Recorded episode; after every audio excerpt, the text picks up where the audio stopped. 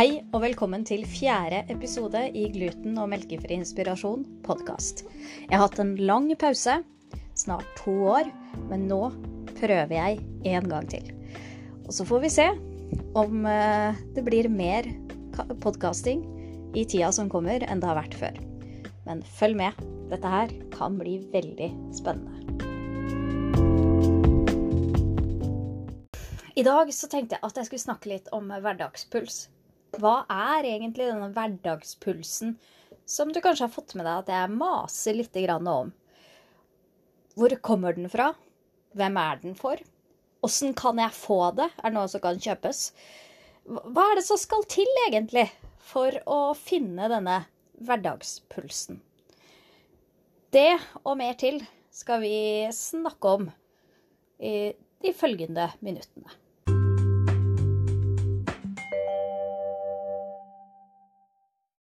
Jeg må jo bare være ærlig og si at hverdagspuls, det kommer ikke gratis.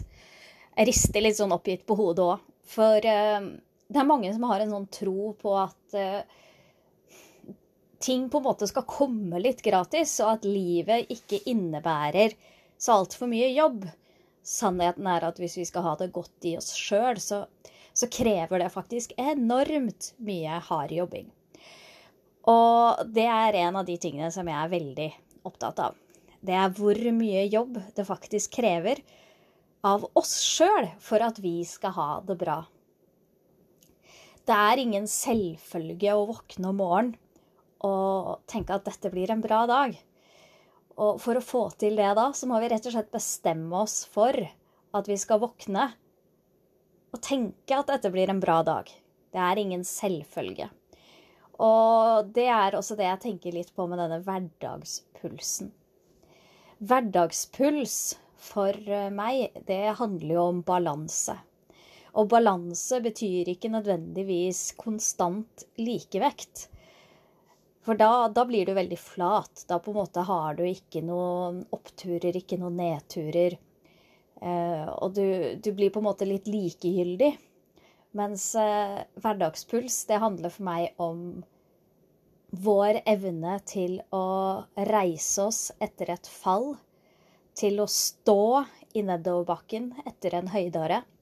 Det handler om eh, kjernemuskulatur i livet vårt, på samme måte som vi trenger en stabil, sterk, god kjernemuskulatur for i det hele tatt å klare å stå oppreist og gå på tur og gå på ski og gjøre på en måte alle sånne hverdagslige ting uten å få vondt her og der, så trenger vi god kjernemuskulatur for å takle livets opp- og nedturer.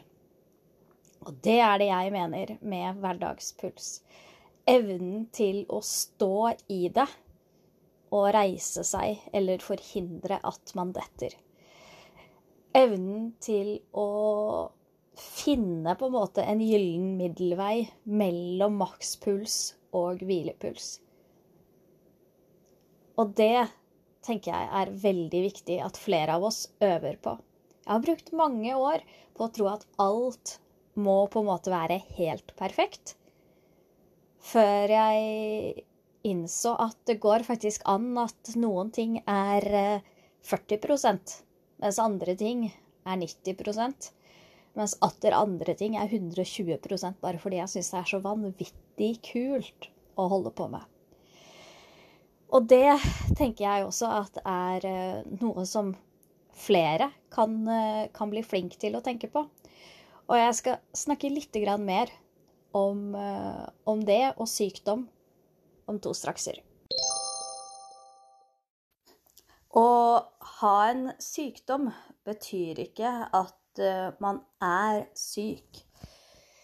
Det tenker jeg er uh, en av de tingene som er med på å gjøre i hvert fall min hverdagspuls behagelig. For jeg har flere sykdommer, men jeg er ikke syk. Og det handler litt om å på en måte ta definisjonsmakten fra sykdommen.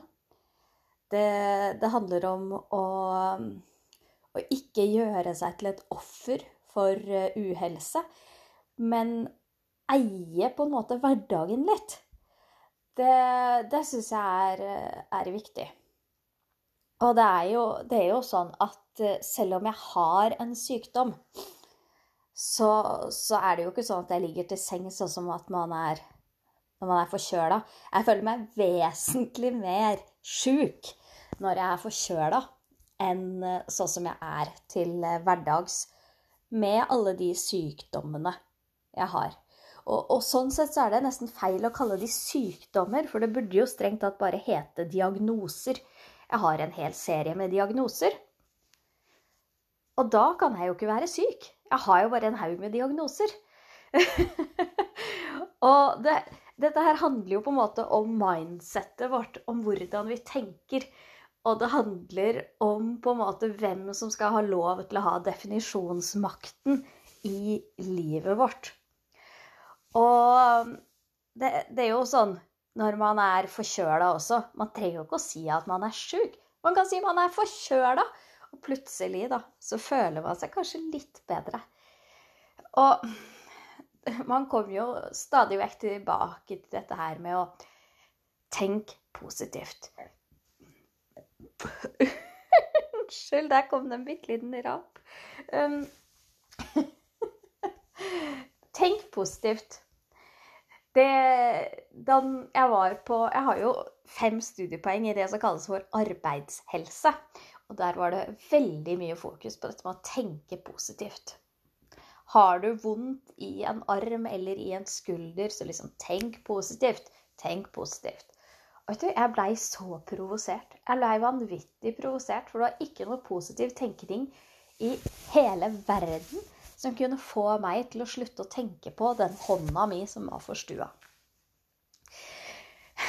Men etter hvert som jeg har blitt litt eldre og på en måte fått det litt på avstand, så har jeg jo skjønt at det handler ikke så mye om å på en måte tenke positivt i den tradisjonelle meningen.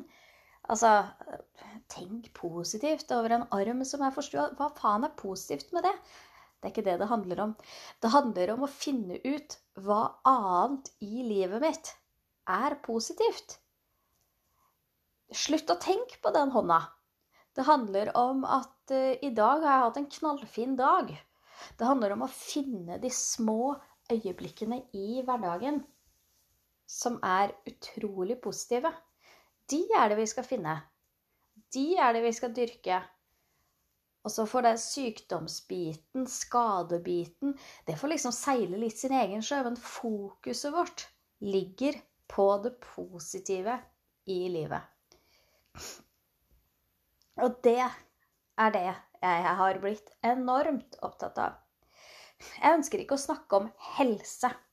Jeg ønsker ikke å snakke om sykdom, men jeg ønsker å snakke om hverdagspuls.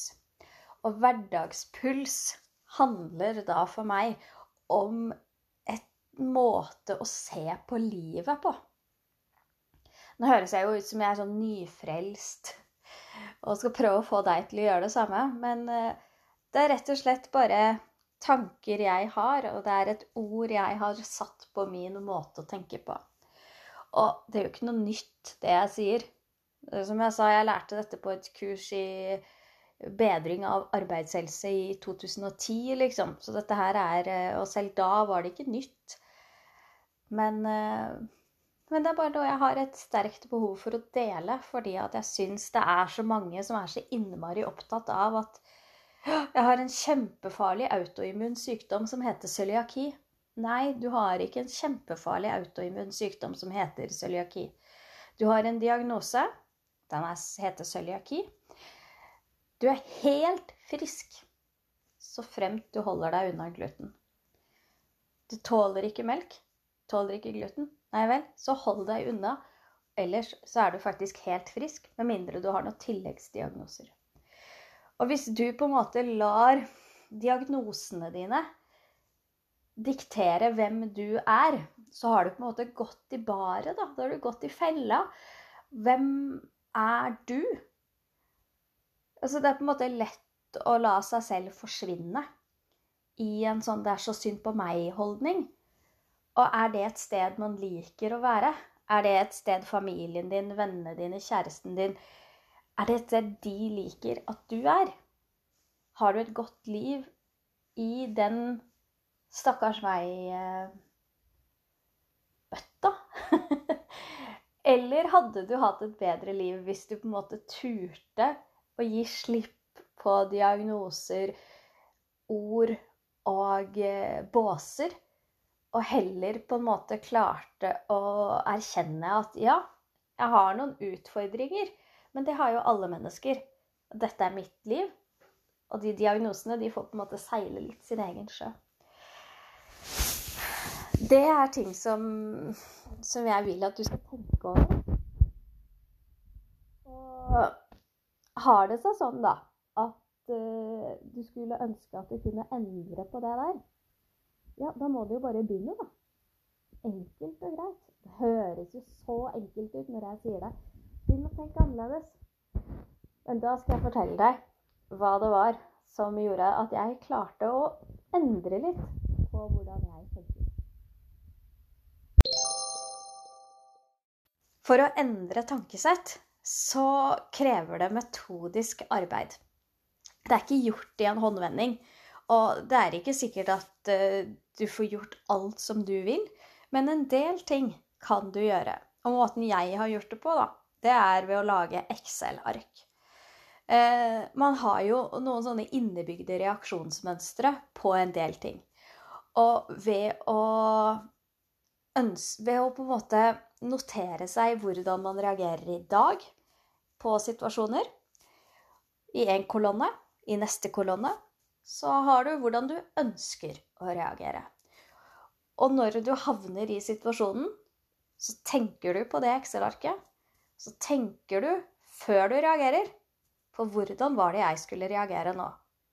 Og når du har gjort det mange nok ganger, så sitter det som ei kule.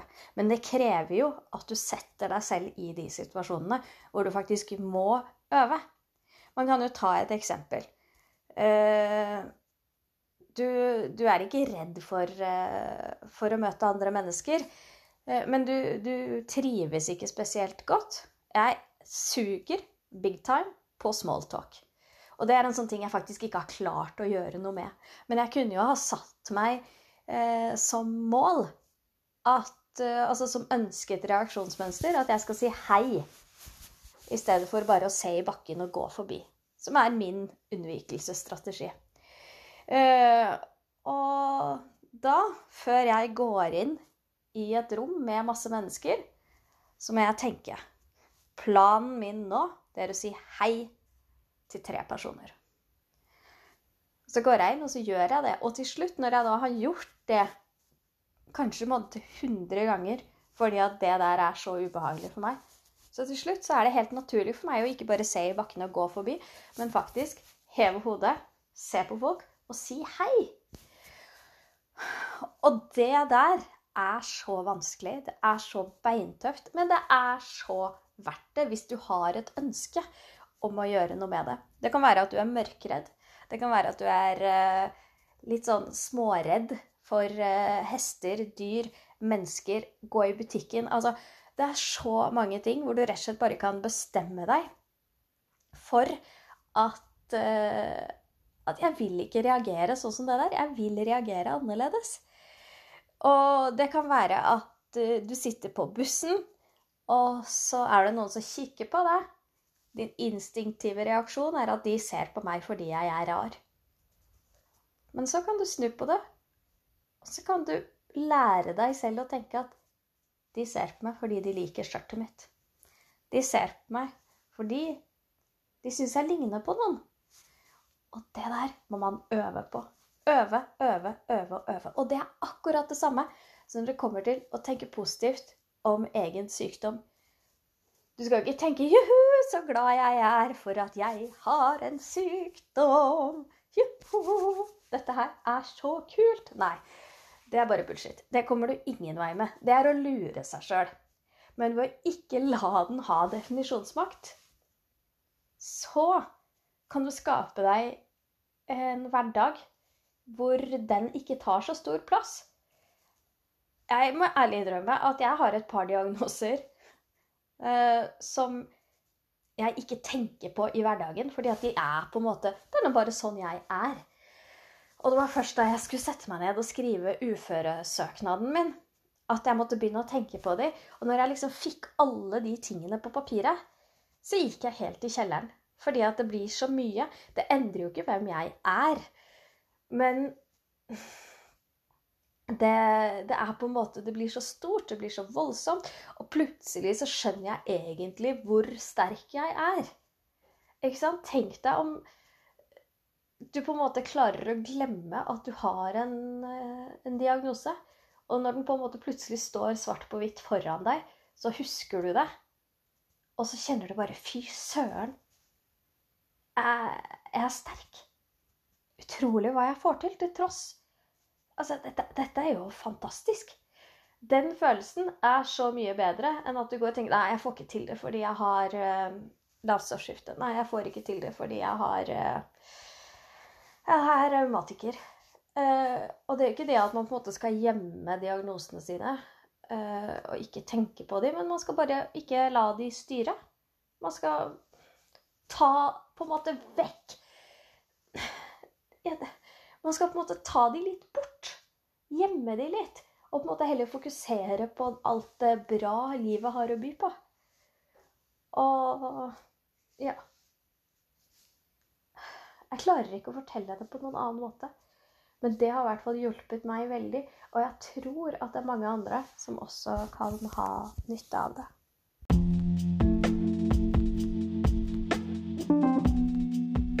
Og med det så tenker jeg egentlig at jeg takker for i dag. Og så um, må du prøve å tenke litt. Prøve å finne din hverdagspuls. Og hvis du blir usikker, så, så, får du på en måte kjenne etter. Hva er viktig i mitt liv akkurat nå? Og så er ikke dette noe halleluja. Dette er ikke noe ny måte å tenke på. Det er bare det at jeg digger ordet hverdagspuls. Det er litt sånn lave skuldre. Det er eh, helt fritt for uh, pretensiøsitet og uh, helseprat. Det handler bare om at du skal kose deg og sette pris på det du har. Hige etter eh, noe uoppnåelig. Ha det bra.